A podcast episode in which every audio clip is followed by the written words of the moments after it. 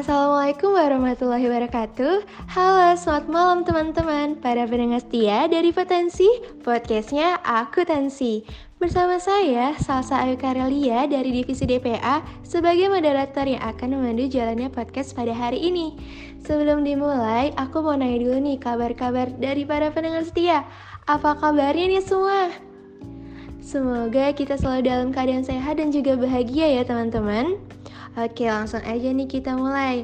Untuk tema podcast kali ini adalah How to Balance Your College Life, Academic, Organization, and Experience yang tentunya akan sangat bermanfaat untuk warga akuntansi sekolah vokasi IPB. Oke, sebelumnya aku nggak sendirian nih. Kali ini potensi akan mengajak dua narasumber yang berprestasi, cantik, gokil, dan tentunya menginspirasi. Siapa lagi kalau bukan Jibana Ibania Safira Jasmine dan juga Indah Puja Maharani dari Akuntansi 57. Yuk teman-teman kita sapa dulu nih kedua narasumber hebat kita. Halo Kak Puja dan halo Kak Iben. Halo Salsa. Halo Kak Salsa. Halo, gimana nih kabarnya? Udah musim-musim liburan nih. Baik. Alhamdulillah baik. Gimana Salsa kabarnya? Oh, aku baik juga nih Kak.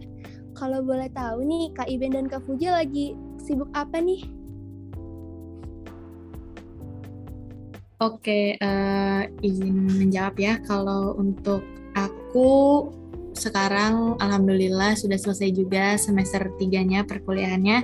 Jadi untuk kesibukannya lagi fokus di organisasi karena kan menjabat juga alhamdulillah diamanahi sebagai wakil ketua IMAFAK MAPESA periode 2021 dan 2022 yang berarti fokusnya karena kita lagi libur juga perkuliahannya jadi kita lebih fokus ke organisasi untuk saat ini seperti itu Salsa.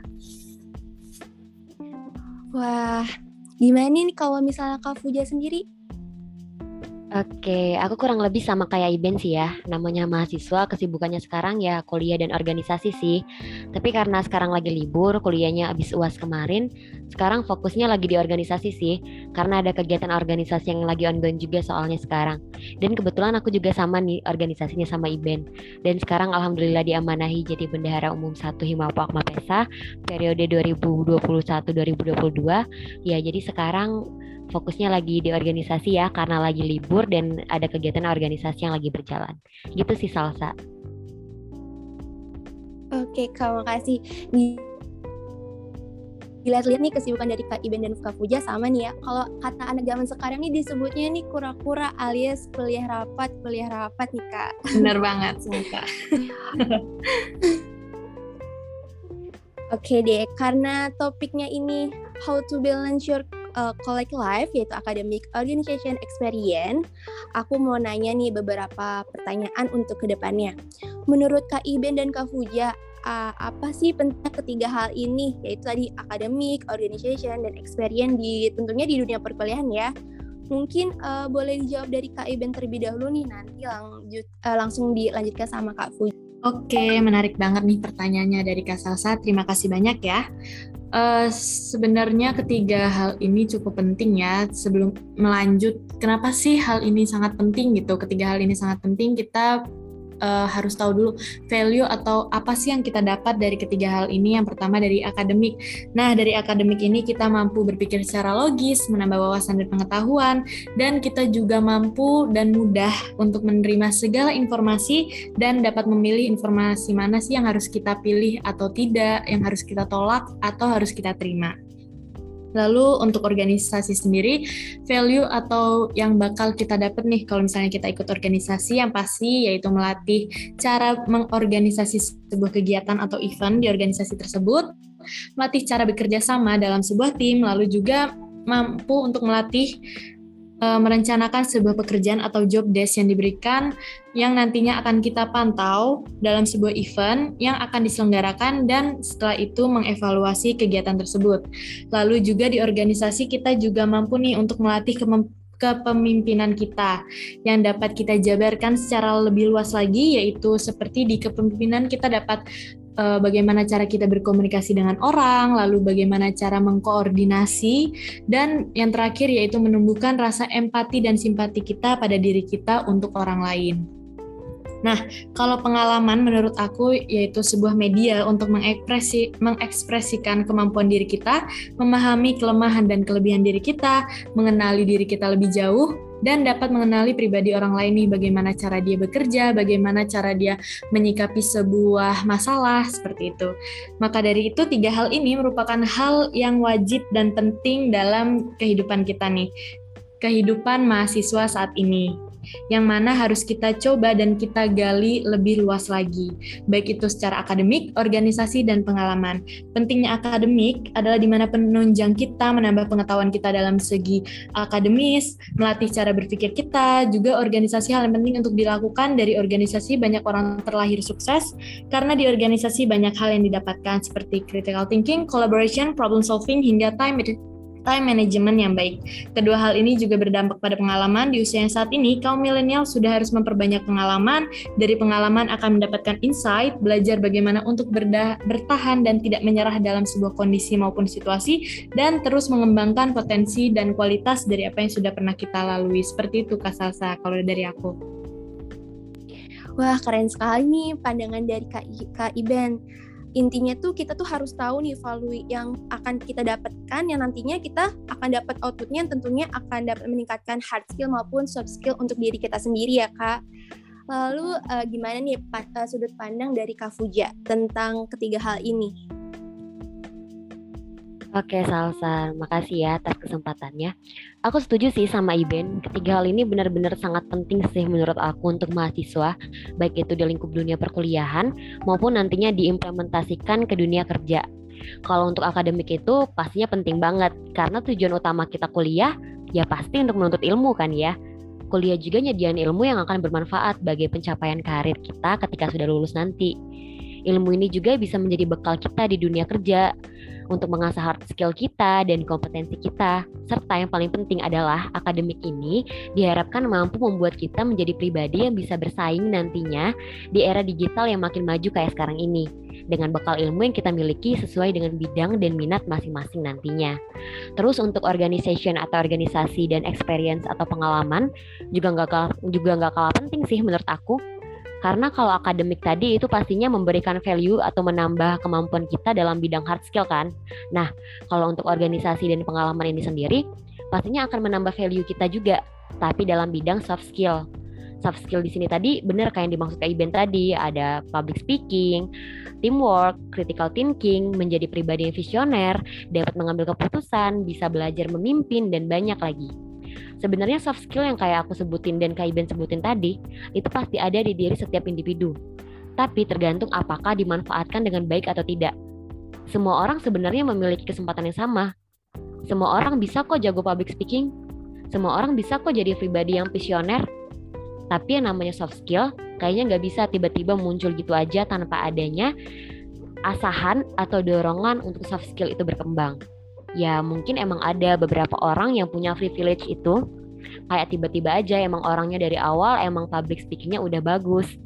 Tapi kan nggak semua orang punya privilege itu ya. Nah maka dari itu kita butuh banget yang namanya pengalaman.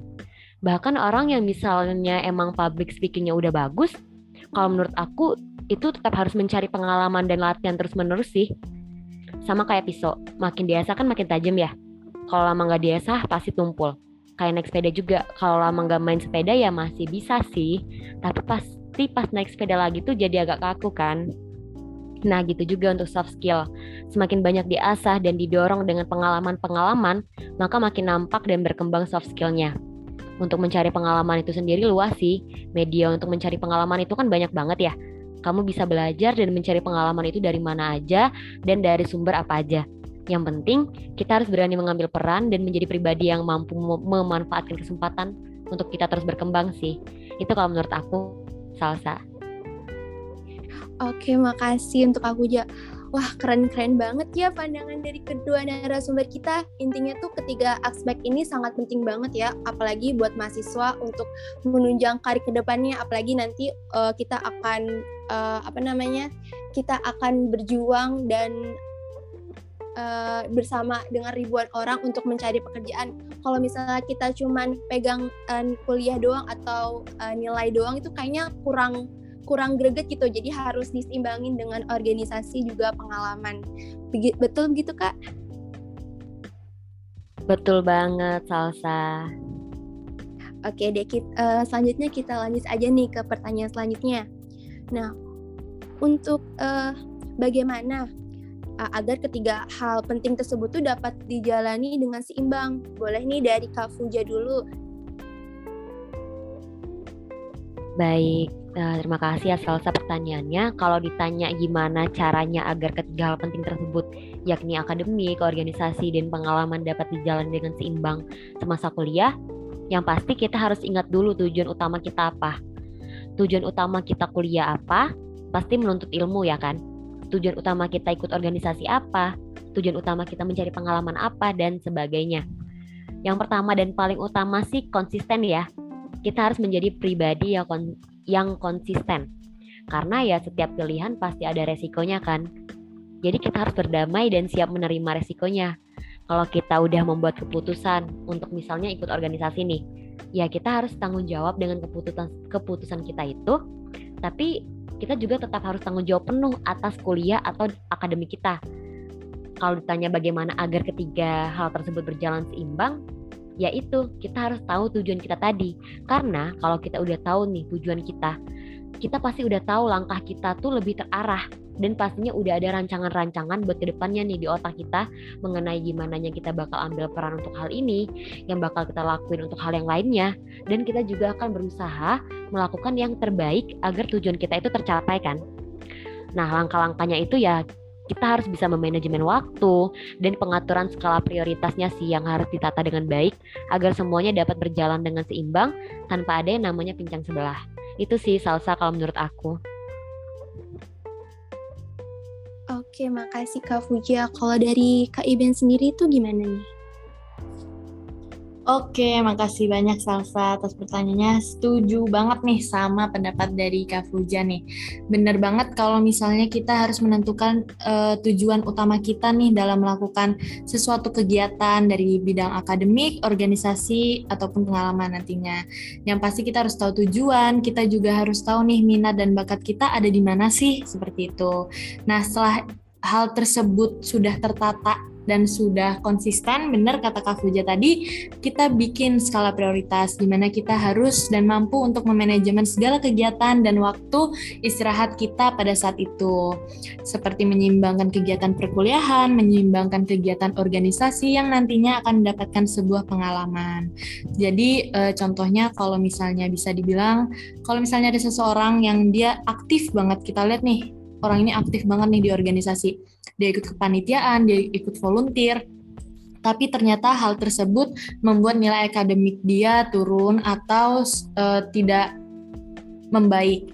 Nah, hal tersebut bisa kita evaluasi di mana sih proses mana sih tahapan mana sih kegiatan apa sih yang ngebuat hal tersebut menjadi uh, nilai akademik kita turun berarti kan ada sebuah uh, manajemen waktu nih yang nggak seimbang kayak gitu sih seperti itu Kak Salsa. Oke, makasih Kak Iben dan Kak Fuja. Baru dua pertanyaan nih kayaknya jawabannya udah berbobot banget nih. Ketahuan banget kayaknya oh, yang udah berpengalaman banget buat organisasi.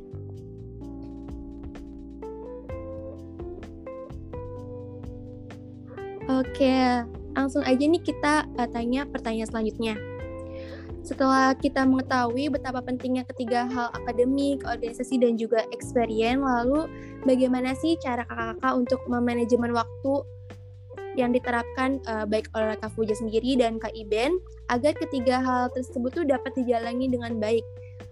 Walaupun uh, sehingga walaupun aktif di dunia organisasi dan memiliki banyak pengalaman, tetapi nilai akademik ini tetap dapat dipertahankan dengan baik.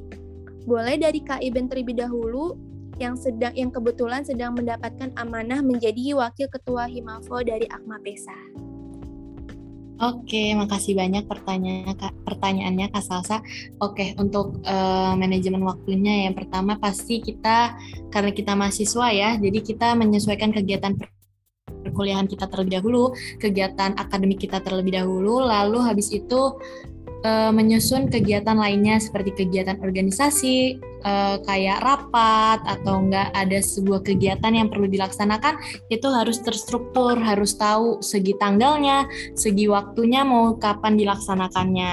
Terus juga jangan lupa untuk memasukkan waktu istirahat juga. Kita nggak boleh nih kalau misalnya kita melakukan sesuatu kegiatan kita nggak masukin waktu istirahat kita nggak boleh nge-push diri kita secara berlebihan. Karena itu bakal efeknya kita bakal capek berlebihan di mana nanti pasti bakal menghancurkan atau uh, ada ketidakseimbangan nantinya pada kegiatan kita selanjutnya. Terus juga know your limit atau tahu nih kapasitas diri kita sendiri. Kita mampu nggak sih melakukan kegiatan ini? Misalnya ada satu hari di mana kegiatan kita ada dua rapat atau tiga rapat. Nah kita mampu nggak sih? Kalau misalnya kita nggak mampu ya kita bilang gitu. Karena kalau misalnya kita memaksakan diri kita juga nggak bagus kayak gitu. Kalau dari aku seperti itu Kak Salsa. Oke, terima kasih dari Kak IBN. Intinya manajemen waktu itu uh, perlu banget disusun karena uh, untuk meminimalisir kesehatan kita juga ya Kak, karena uh, untuk menjalankan kegiatan-kegiatan juga perlu tubuh yang fit. Oke, langsung aja nih uh, untuk Kak Fuja. Eh, secara Kak Fuja ini aktif ya di organisasi namun kerap menjadi juara di berbagai perlombaan akuntansi dan juga perpajakan. Gimana nih sudut pandang dari Kak Fuja sendiri? Oke, baik. Terima kasih pertanyaannya ya. Baik, kalau ditanya manajemen waktu ya, cara aku memanajemen waktu yang aku terapin itu yang pertama selalu manfaatkan waktu belajar di kelas kuliah dengan sebaik mungkin. Maksud manfaatkan waktu belajar itu kalau lagi kuliah nih, itu fokus kuliah aja dulu. Fokus belajar aja dulu dan jangan ngerjain pekerjaan apa pun itu.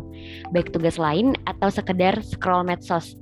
Jangan ada pikiran kayak, ah nggak apa-apa lah, gampang nanti nonton ulang recordnya aja Gak apa-apa kalau menonton ulang record, tapi untuk sekiranya ada yang gak paham dan butuh dilihat ulang aja. Kalau yang beneran mau nonton ulang karena tadi nggak dengerin pas sesi kuliah, itu jangan banget. Karena itu bakal ngebuang-buang waktu. Yang seharusnya setelah sesi kuliah, misalnya dikasih tugas, kamu harusnya udah bisa nih ngerjain tugas yang dikasih dosen tadi. Karena ya kamu paham, karena kamu nyimak. Tapi jadinya kamu belum ngerjain karena kamu gak nyimak tadi. Terus mau nonton ulang record nih, udah ngabisin waktu berapa tuh yang sebenarnya waktu ini bisa dipakai untuk hal lain loh kalau kamu tadi fokus belajar di sesi kuliah. Terus iya kalau nggak mager. Kalau mager gimana? Soalnya kalau pas sesi kuliah aja nggak nyimak record juga kayaknya nggak ketonton gak sih? Udah keburu kejar-kejaran sama tugasnya iya kan? Makanya manfaatkan waktu kuliah dan belajar dengan sebaik mungkin. Kalau ada pertanyaan boleh banget disampaikan saat kelas kuliah ke bapak ibu dosen Terus selanjutnya, aku selalu membuat perencanaan atau to-do list sih, sama kayak Kak Iben tadi. Sejenis notes gitu-gitu untuk kegiatan atau tugas-tugas apa aja yang harus diselesaikan. Fungsi dari perencanaan ini juga bakal mempermudah aku untuk menentukan tugas apa yang harus lebih dulu dikerjain dan juga ngebantu aku buat tahu tugas apa aja yang belum di uh, selesaiin dan mana tugas yang harus aku selesain. Terus selanjutnya manajemen uh, aku itu jangan suka menunda pekerjaan. Kalau ada pekerjaan itu jangan tunda. Kalau ada waktu senggang yang sebenarnya kita bisa loh ngerjain tugas itu, tapi malah nggak kita kerjain. Itu jangan. Karena kita nggak bakal tahu ini beberapa jam atau beberapa menit ke depan bakal ada kerjaan lain yang datang atau enggak ya kan. Kalau ditumpuk makin capek nanti karena mesti dikerjain sekaligus. Kalau in case misalnya ada pekerjaan yang datangnya sekaligus, baik itu dari organisasi maupun tugas kuliah, kerjain yang penting terlebih dahulu. Di sini artinya penting nggak selalu harus tugas kuliah ya, terus menerus ataupun sebaliknya. Definisi penting itu kan beragam ya soalnya. Semuanya penting ya, ada yang nggak penting. Tapi ya bisa dinilai sendiri mana yang urgensinya lebih dibutuhkan sekarang. Misal nih kayak contoh aku dapat tugas kuliah dari dosen dan deadline-nya tiga hari. Terus di hari itu juga aku dapat job desk dari organisasi dan waktunya seminggu. Ya berarti aku bakal ngerjain tugas kuliah terlebih dahulu yang urgensinya lebih dibutuhkan sekarang karena waktu pekerjaannya cuma tiga hari dan baru nanti dilanjut untuk kerjaan job desk. Terus cara aku manajemen waktu itu selanjutnya harus menjadi orang yang berani mengambil keputusan dan mengatakan tidak untuk hal yang tidak penting. Jangan sampai pekerjaan kita tertunda karena kesalahan kita sendiri yang nggak bisa nolak orang. Ini kan banyak banget ya kasusnya kayak malah ngerugiin diri kita sendiri karena kita nggak enakan sama orang. Misal nih diajak main tapi sebenarnya kita lagi banyak banget tugas tapi teman-teman ngajak main. Itu nggak apa-apa banget kalau kamu mau main tapi jangan lupa juga sama tugas. Kalau bisa kerjainnya sebelum main. Jadi pas main itu tugasnya udah selesai. Kalau emang dirasa nggak memungkinkan untuk kita ikut main karena deadline tugasnya udah pada deket atau misal mau uas nih jadi kita mau belajar ya udah tolak aja pokoknya jangan sampai pekerjaan kita tertunda karena kesalahan kita sendiri yang nggak bisa nolak orang Terus selanjutnya ya, ini kalau aku, aku nerapin ini banget, yaitu disiplin waktu untuk diri aku sendiri. Disiplin waktu di sini artiannya adalah aku membuat aturan sendiri untuk diri aku. Misal aku ada beberapa tugas nih, aku bakal nentuin gitu loh tugas mana yang harus aku selesaiin sekarang dan biasanya rentang harinya aku tentuin juga. Jadi contoh misalnya tugas A, pokoknya harus selesai dalam waktu kurun dua hari Nah, karena udah tertanam dalam mindset kita bahwa ini tugas harus selesai dalam kurun waktu dua hari, ya berarti kita harus fokus dan mengerjakannya dengan baik serta menghindari hal-hal yang sekiranya bakal ngerusak konsentrasi kan. Terus yang terakhir ya, aku nerapin juga istirahat itu penting sama kayak Kak Iben tadi. Jangan lupa istirahat dan jangan terlalu memaksakan diri meskipun kita harus disiplin sama diri kita masalah waktu, tapi kita juga harus istirahat dan jangan memaksakan diri. Karena ini juga salah satu bentuk kita mengefektifkan manajemen waktu kita. Semua orang pasti pernah kan merasakan capek. Kalau sekiranya kamu butuh istirahat, itu istirahat aja. Jangan dipaksain buat tetap belajar atau ngerjain tugas. Karena percuma juga kalau kondisi fisik dan mental kita lagi nggak bagus, pekerjaan juga nggak bakal selesai dengan maksimal, malah bikin mood kita makin ancur buat belajar juga nggak bakal konsen kayak ya percuma mending kamu istirahat dulu terus nanti habis istirahat fisik dan mental kita kembali fit dan semangat buat belajarnya itu sih kalau cara aku untuk memanajemen waktu aku salsa Oke, makasih Kak Puja. Tadi ngomongin masalah fokus teralihkan jadi ngerasa tersendiri-sendiri nih Kak.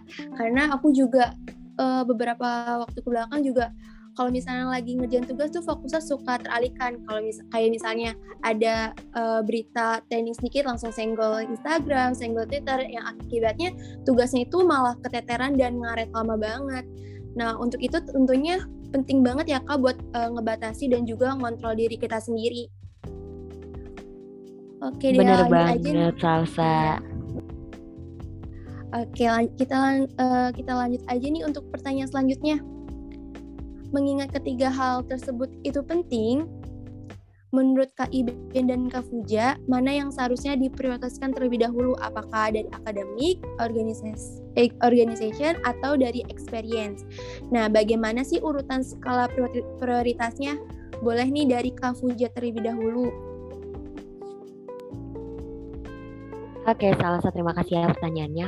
Uh, untuk skala prioritas ya, aku ngebaginya jadi 50% untuk akademik atau kuliah, 40% untuk organisasi dan pengalaman, di mana itu 20% organisasi dan 20% pengalaman, dan 10%-nya lagi untuk kehidupan pribadi sih. Karena kan jumlah total persentase itu 100% ya, jadi pasti ada porsi persentase untuk kehidupan pribadi. Kenapa organisasi dan pengalaman itu aku gabung? Karena ya sekarang kan aku ikut organisasi nih. Meskipun pengalaman gak hanya didapat dari organisasi, tapi kalau kita ikut organisasi pasti kita dapat pengalaman jadi ya organisasi dan pengalaman aku gabung jadi satu kesatuan untuk prioritasnya dan bobotnya pasti sama. Karena sama-sama penting 20-20% jadi totalnya 40%. Balik lagi soal persentase prioritas. Dengan persentase tersebut sebenarnya kalau untuk skala prioritas aku bersifat fleksibel sih.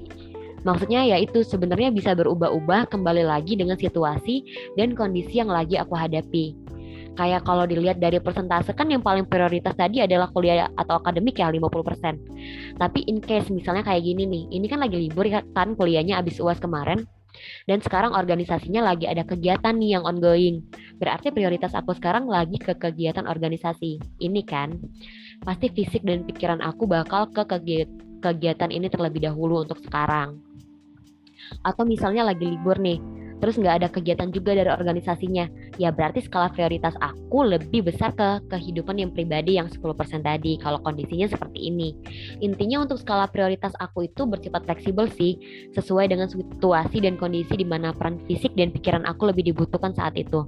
Tapi kalau untuk persentase normalnya, jika hal tersebut sedang berjalan bersamaan, ya kembali lagi ke persentase awal tadi, 50% untuk kuliah dan akademik, 40% untuk organisasi dan pengalaman, dan 10%-nya untuk kehidupan pribadi aku. Gitu Salsa. Oke, makasih dari Kak Fuja. Mungkin uh, skala uh, prioritas ala Kak Fuja bisa dijadikan uh, acuan nih buat para pendengar. Intinya uh, kita boleh nih ambis kuliah tapi jangan lupa juga antara kehidupan pribadi. Intinya harus imbang antara kehidupan pribadi, akademik juga organisasi dan pengalaman. Uh, tadi kita baru aja nih dengar skala prioritas dari Kak Fuja. Mungkin kita uh, bisa uh, dengar juga nih skala prioritas menurut pandangan dari Kak Iben sendiri itu seperti apa? Oke, makasih. Sebelumnya aku sama sih, hampir sama juga kayak Kak Fuja aku adalah tipe orang yang sebenarnya aku fleksibel sama skala prioritas aku sendiri. Karena meski ketiga hal ini penting ya buat kita sebagai mahasiswa kita juga harus berpikir secara realistis dan logis gitu. Kita juga harus lihat situasi dan kondisi pada saat itu. Terus juga pada teori perkembangan ada juga nih yang disebut dengan mature atau sebuah kematangan dalam sebuah proses.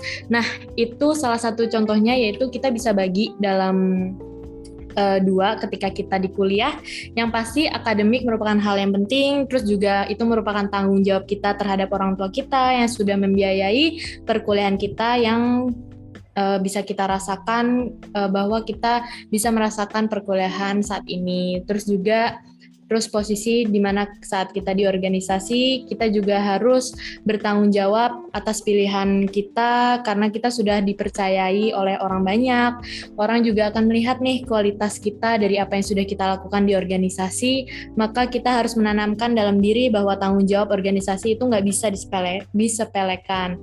Dan pengalaman merupakan tanggung jawab kita pada diri kita sendiri nih. Bagaimana kalau misalnya kita sudah mendapatkan pengalaman, apakah kita mau mengevaluasi dari pengalaman tersebut tersebut atau enggak kita juga harus bisa berkembang, bagaimana kita bisa bertumbuh jika kita tidak punya pengalaman. Terus juga uh, pengalaman merupakan hal yang penting untuk kita memperbanyak demi meningkatkan value diri kita sendiri. Ketiga hal ini jika dilakukan dengan penuh tanggung jawab akan dapat terselesaikan dengan baik dan dapat diseimbangkan selagi kita masih mau belajar dan berproses hingga terselesainya tanggung jawab kita. Seperti itu Kak Salsa.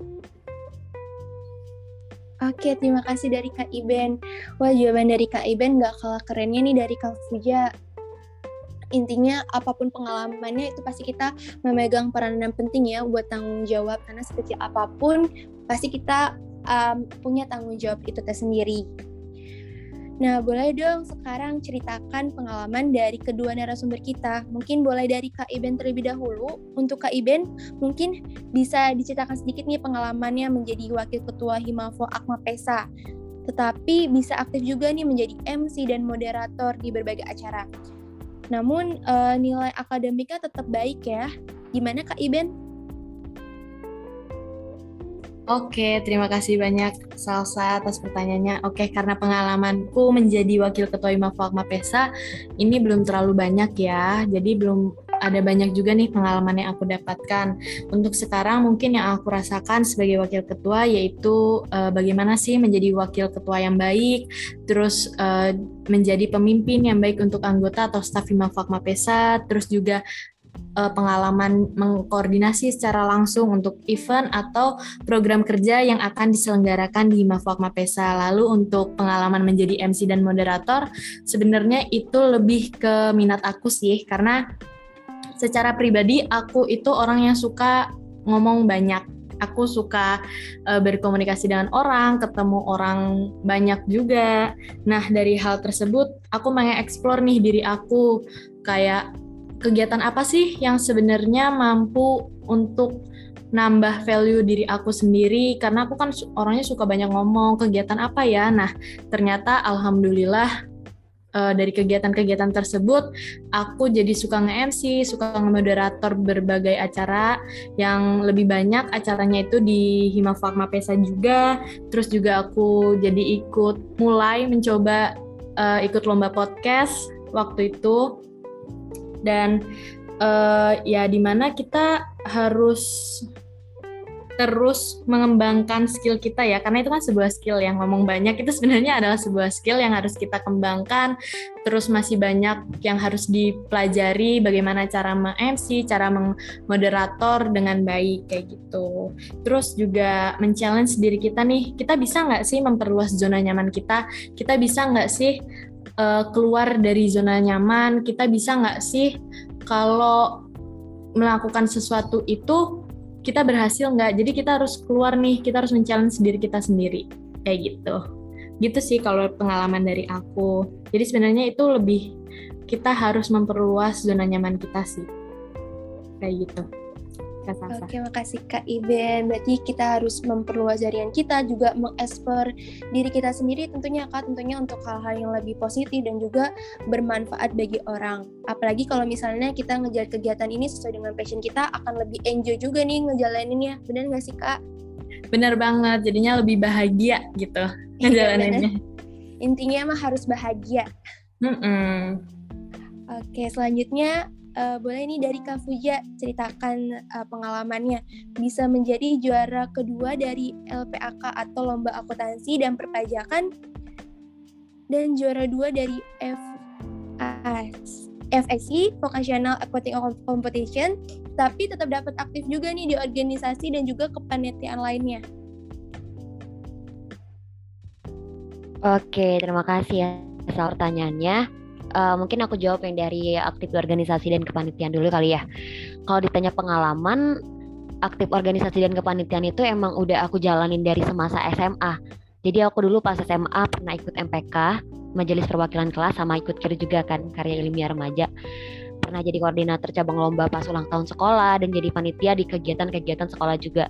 Jadi emang udah ada pengalaman di organisasi dan kepanitiaan sih di diri aku. Jadi pas masuk kuliah tuh ibaratnya aku tinggal ngelanjutin tongkat estafet kehidupan organisasi aku aja. Karena sebelumnya emang udah ada bekal semasa SMA.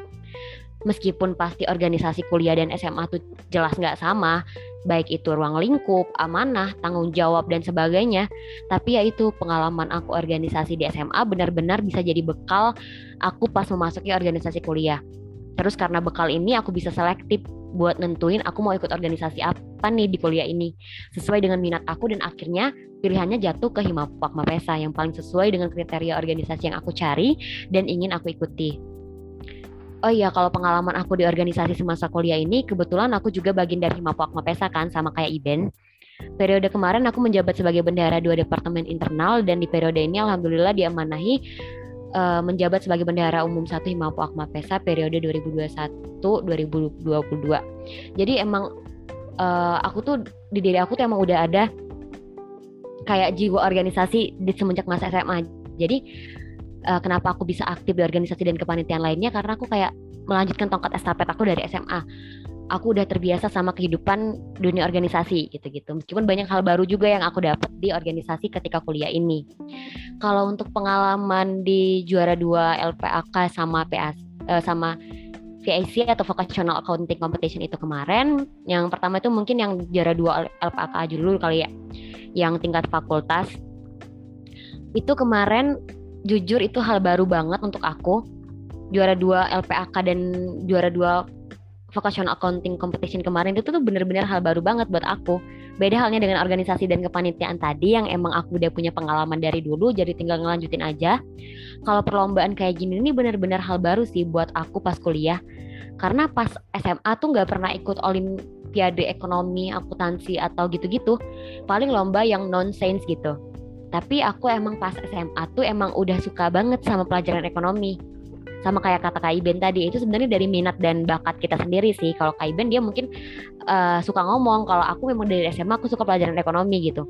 Makanya juga aku milih prodi akuntansi pas mau daftar kuliah. Tapi kalau buat ikut olim gitu-gitu tuh enggak. Pas SMA mentok-mentok aku cuman mentok di peringkat kelas aja. Nggak pernah sampai ke olim gitu kalau buat LPAK kemarin itu kan wajib ya baik 56 dan 57-nya untuk ikut. Awalnya ikut LPAK ini karena ya emang wajib aja dan nggak ngarep. Lebih ke pesimis sih karena ratusan yang ikut karena dua angkatan kan. Aku juga masih maba. Kemarin itu posisinya aku 57 dan yang ikut itu ada 56 juga. Nah, ternyata pas aku lolos top 40 kemarin, aku tuh mulai nanemin di mindset aku kalau sebenarnya aku bisa. Aku mampu. Berarti emang kayak aku nemuin jati diri aku gitu loh ternyata emang minat dan bakat kamu tuh emang di sini gitu. Ya udah lebih giat lagi aja dan alhamdulillah dapat juara dua kemarin. Terus kalau yang VAC ke, uh, VAC kemarin atau vocational accounting competition itu itu benar-benar duh gila sih. Bingung takut dan seneng sebenarnya pas di chat sama salah satu panitia untuk ikut VIC ngewakilin IPB ini.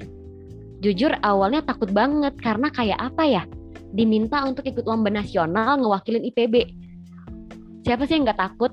Kayak takut gagal takut pesimis dan semacamnya gitu. Tapi ini sih yang paling penting kalau menurut aku. Kita harus bisa ngekontrol diri kita sendiri. Karena yang tahu kapasitas diri kita ya kita sendiri. Gak ada orang yang lebih tahu kita dibanding kita sendiri kan? Yang bisa tahu kita mampu apa enggak ya diri kita sendiri. Dan yang bisa ngeyakinin diri kita buat ngelangkah ya diri kita sendiri gak mungkin kita bakal ngandelin orang lain untuk hal tersebut. Aku kemarin nanamin mindset orang-orang aja percaya buat ngamanahin aku buat ikut vocational accounting competition ini ngewakilin IPB masa aku sendiri nggak percaya sih sama diri aku? Akhirnya aku kayak nanemin aku harus percaya kalau aku bisa dan aku mampu. Kalau pasti semua udah ada jalannya. Yang penting ikhlas dan niat ngejalaninnya. Buat hasil akhir nanti itu pasti udah yang terbaik. Yang penting usahanya dimaksimalin aja dulu. Yang penting enjoy dan ngelakuinnya dengan happy. Sama kata kayak Kaiden tadi. Karena udah ketanam di pikiran kita positif ya pasti maka langkah kita tuh bakal lebih mudah. Dan alhamdulillahnya kemarin dapat juara dua VIC itu tingkat nasional Alhamdulillah banget ini juga berkat semua orang sekitar aku sih kakak-kakak satu tim aku dan tim dosen yang memberikan pembinaan serta support dari teman-teman aku juga intinya yang bikin kehidupan organisasi dan akademik aku tetap jalan seimbang itu adalah bagaimana cara aku memanajemen waktu sih dan pembagian skala prioritas serta kita harus kenal sama diri kita sendiri. Jadi kita tahu apa yang sekiranya kita mampu dan kita nggak mampu. Terus jangan takut untuk ngambil kesempatan dan manfaatkan peran sebaik mungkin kalau lagi mengerjakan sesuatu. Ikhlas dan niat. Baik itu belajar, ngerjain tugas, ataupun organisasi, pokoknya ikhlas dan niat. Tapi yang paling penting banget ya itu sih, kita nggak boleh jadi orang yang, yang egois egois di sini artiannya ya mungkin sebenarnya kita udah tahu nih kita nggak mampu buat ngambil suatu kesempatan itu tapi karena kita pengen banyakin pengalaman akhirnya kita ambil semua nih yang akhirnya malah bikin kita semuanya keteteran dan gak ada satupun yang hasilnya maksimal. Rugi kan? Rugi banget lah. Bukannya malah banyak pengalaman tapi malahnya jadi kecapean dan gak ada yang ke handle buat semuanya seimbang. Kita jangan takut untuk mengambil kesempatan, tapi kita juga harus bisa kenalin diri kita sendiri dan harus bisa lihat kemampuan dan takaran diri kita juga. Itu sih salsa kalau dari aku. Oke, makasih dari Kak Pujawa jawabannya juga sangat berbobot sekali ya eh, dari dua narasumber kita. Oh ya, untuk kedua narasumber kali ini, ini kita benar-benar menginspirasi untuk warga akuntansi sendiri ya, boleh dong dari Kak Iben dan juga Kak Fuja memberikannya tips and trick nih untuk teman-teman akuntansi atau untuk para pendengar. Bagaimana sih caranya supaya dapat aktif di kampus namun tetap juga memiliki prestasi akademik yang baik? Mungkin boleh nih dari Kak Fuja dulu Oke Salsa. Kalau ditanya tips and trick ya hmm, mungkin aku bakal ngasih cara-cara aku ya. Yang pertama dan paling utama, kita harus jadi pribadi yang memiliki rasa ingin terus berkembang, terus berproses, terus ingin menambah value dalam diri kita, karena ini langkah awal banget sih. Kalau kita nggak punya rasa ingin terus berkembang itu, ya kita bakal di situ-situ aja, kayak ngerasa ah udah deh segini aja udah cukup, nggak ada rasa pengen memanfaatkan atau mengambil kesempatan lagi, padahal kesempatannya itu sangat luas jika ingin digali lagi. Terus eh, selanjutnya itu ada kita harus ada niat. Harus ada niat dari diri kita. Karena setelah kita udah ada rasa ingin berkembang kalau nggak ada niat dan usaha ya juga percuma nggak bakal jalan dan stuck di situ-situ aja. Terus selanjutnya lagi harus jadi pribadi yang visioner. Kayak yang aku bilang di pertanyaan sebelumnya eh, kita harus tahu tujuan kita ke depan apa.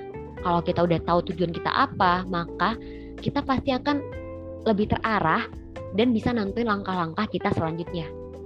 Terus harus disiplin sama waktu kayak yang aku bilang pas manajemen waktu tadi ya. Kalau lagi belajar ya belajar. Jangan disambilin yang lain. Biar efektif dan gak buang-buang waktu terus biar ilmunya langsung lengket gitu. Selanjutnya mungkin tipsnya bergaul dengan siapa aja ya karena kita bisa dapat ilmu dan pengalaman juga salah satunya dari media pertemanan sih kita dapat ilmu dan pengalaman itu bisa dari orang lain kan tapi ingat, meskipun harus berteman dengan siapa aja, kita harus bisa selektif juga buat nentuin mana yang cukup jadi teman main atau teman untuk sama-sama berproses. Terus ini juga nih yang paling penting, cari circle pertemanan yang positif dan sehat. Baik pertemanan di dunia kuliah ataupun organisasi. Di sini arti sehat itu bukan circle pertemanan yang ngajak makan sayur terus setiap hari ya, bukan. Di sini maksud sehat adalah bergaulah dengan orang yang ngebantu kita buat grow up bareng-bareng yang bisa diajak main tapi juga bisa diajak belajar bareng yang punya satu tujuan sama kita dan yang saling support antara satu sama lain. Kalau menurut aku circle pertemanan itu sangat-sangat berpengaruh sih. Kalau kita bergaul sama orang-orang yang baik dan positif, insya Allah kita bakal ketularan pola pikir baiknya dan begitu pun sebaliknya.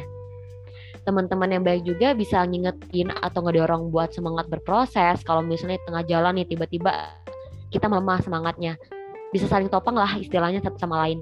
Meskipun mungkin bisa kok kita berproses sendirian, tapi lingkungan dan teman yang satu tujuan tuh pasti lebih mendorong prosesnya lebih efektif.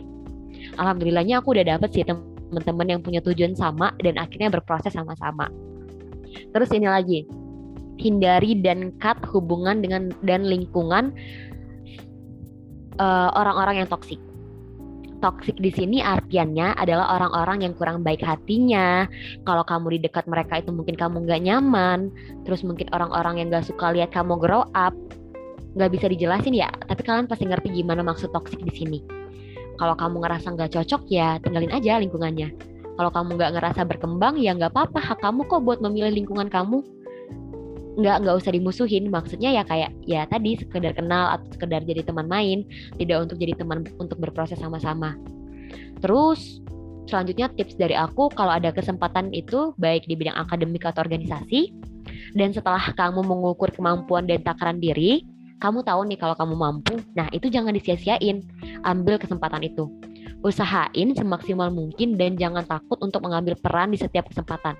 Karena itu pengalaman berharga banget loh. Terus tipsnya lagi itu kita juga harus rasional.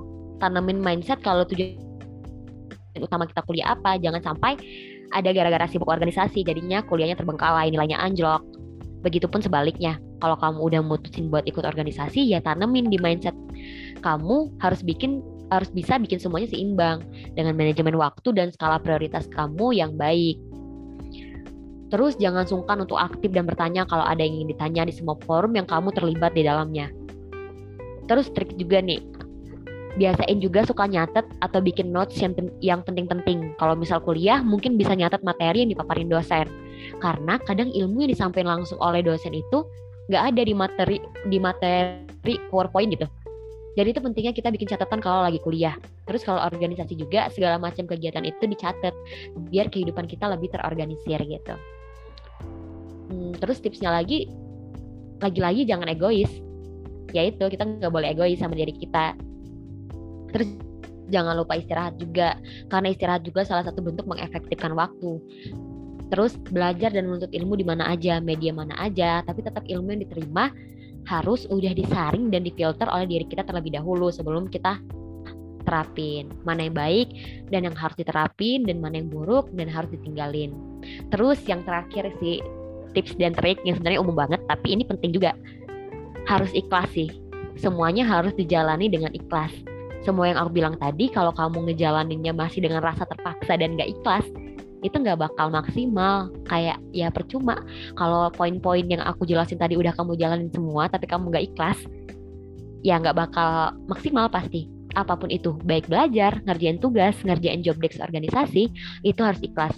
Kalau kita udah ikhlas, pasti kita enjoy dan happy ngerjainnya, dan kerjaannya pasti selesai dengan baik. Itu sih salsa kalau tips and trick dari aku.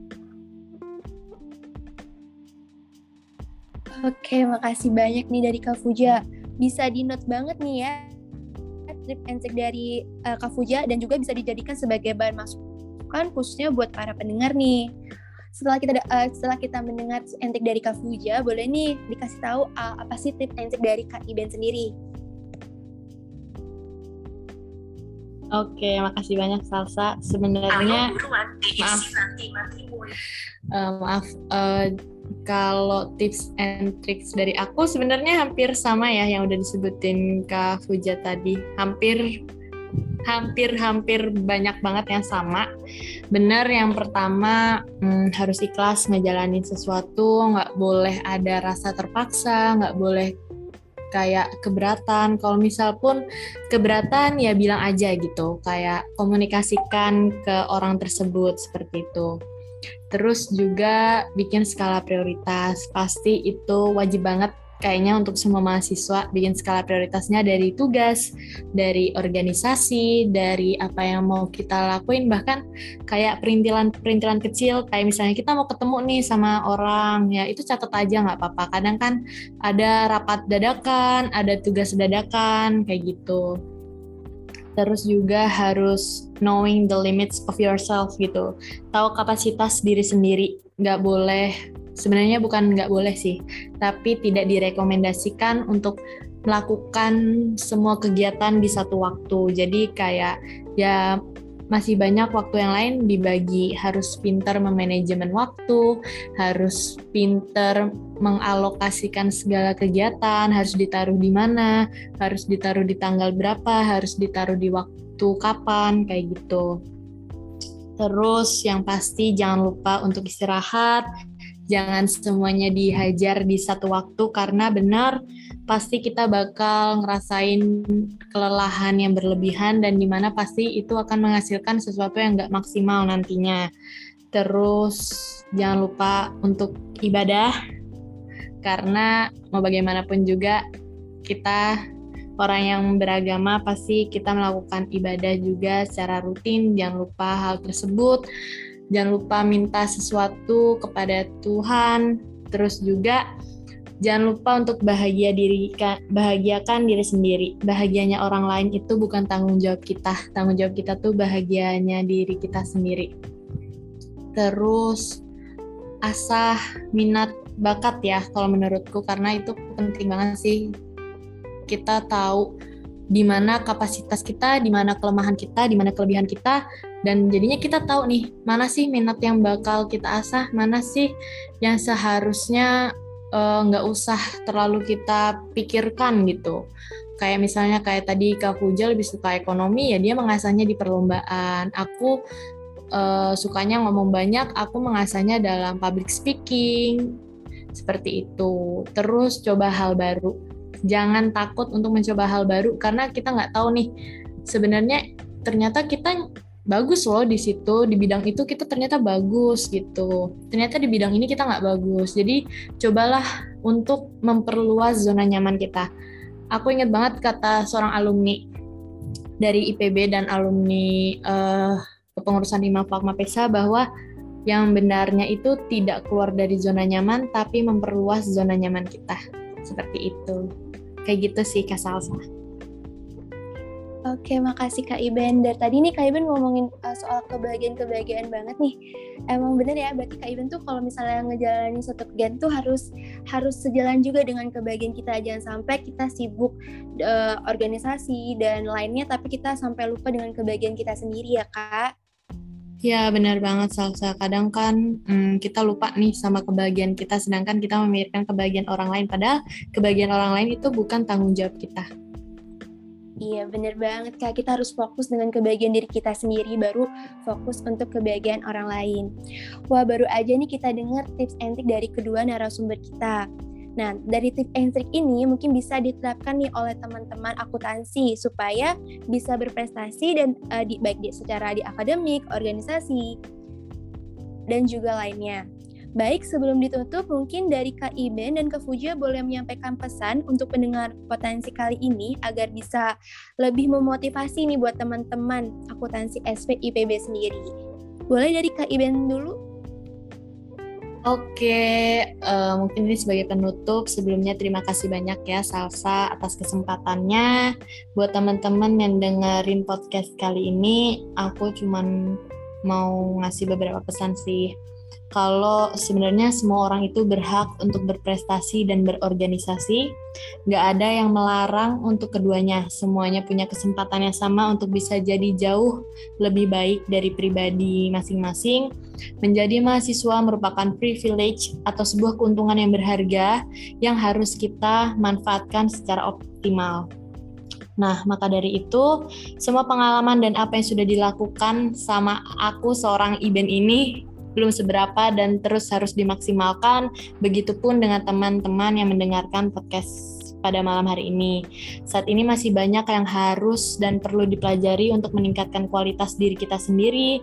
Semua yang ada dan saat ini kita ambil adalah sebuah tanggung yang harus diselesaikan, perkuliahan tanggung jawab dengan orang tua, di mana kita harus mempertahankan nilai, di mana kita harus lulus tepat waktu, meski kita aktif organisasi namun bukan menjadi sebuah halangan untuk bisa menjadi mahasiswa yang prestatif. Jadilah mahasiswa yang guardian of value yang mampu mempertahankan nilai-nilai kebaikan seperti nilai integritas, tanggung jawab, dan kebaikan terhadap lingkungan sekitar. Ketika kita sudah berhasil terhadap kuliah dan organisasi, akan ada rasa kepuasan tersendiri nih dan merasa bahagia karena sekitar kita merasakan kebahagiaan pula. Karena uh, pesan dari aku, sebaik-baiknya manusia adalah manusia yang bermanfaat bagi lingkungan sekitarnya. Seperti itu Kak Salsa. Oke, makasih dari Kak Iben. Mungkin bisa dilanjut dari Kak Fuja. Oke, aku benar-benar setuju banget sih sama statement yang dikasih sama Iben tadi. Sebelumnya aku juga mau ngucapin terima kasih ya buat Salsa dan teman-teman dari podcast akuntansi ini uh, kurang lebih yang mau aku sampaikan sama ya. Kalau pesan dari aku, ya itu kita benar kata Kaiben tadi kita harus memperluas, memperluaskan uh, zona nyaman kita gitu. Karena kayak pengalaman aku tadi juga kan, aku sebelumnya nggak ada pengalaman sama sekali di bidang perlombaan. Terus karena aku kayak istilahnya aku nyoba juga loh, aku juga baru nyoba itu lomba dan ternyata emang aku nemuin gitu. Jadi kita benar-benar udah dikasih wadah, kita di sekolah vokasi ini udah dikasih wadah baik itu dari segi akademik maupun organisasi kita udah dikasih wadah.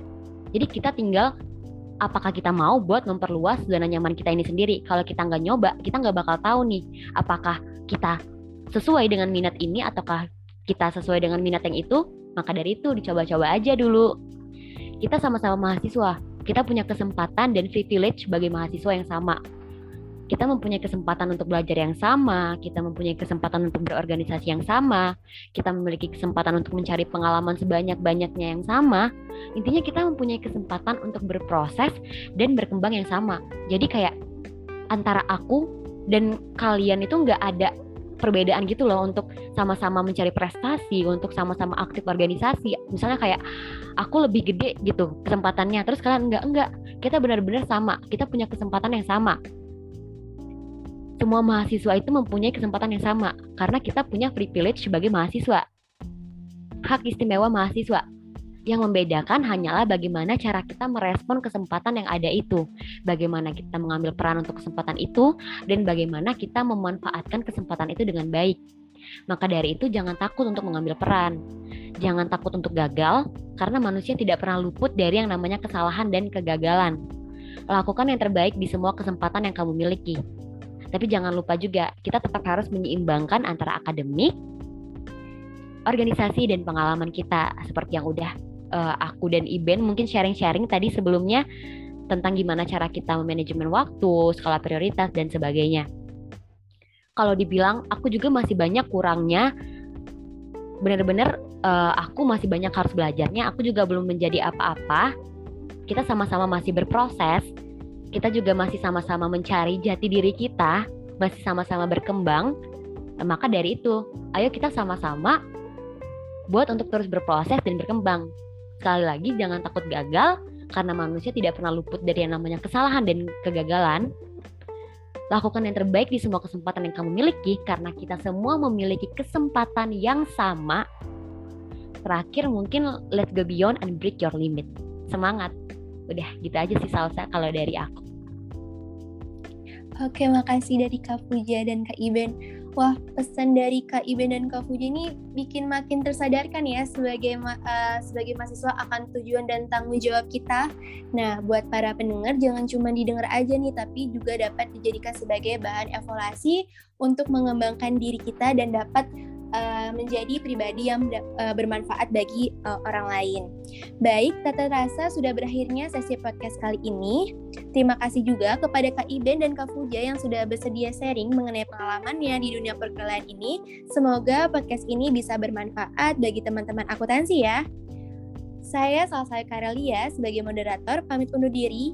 Mohon maaf apabila ada kesalahan dan juga kekurangan. Sampai jumpa lagi di potensi selanjutnya. See you. Wassalamualaikum warahmatullahi wabarakatuh.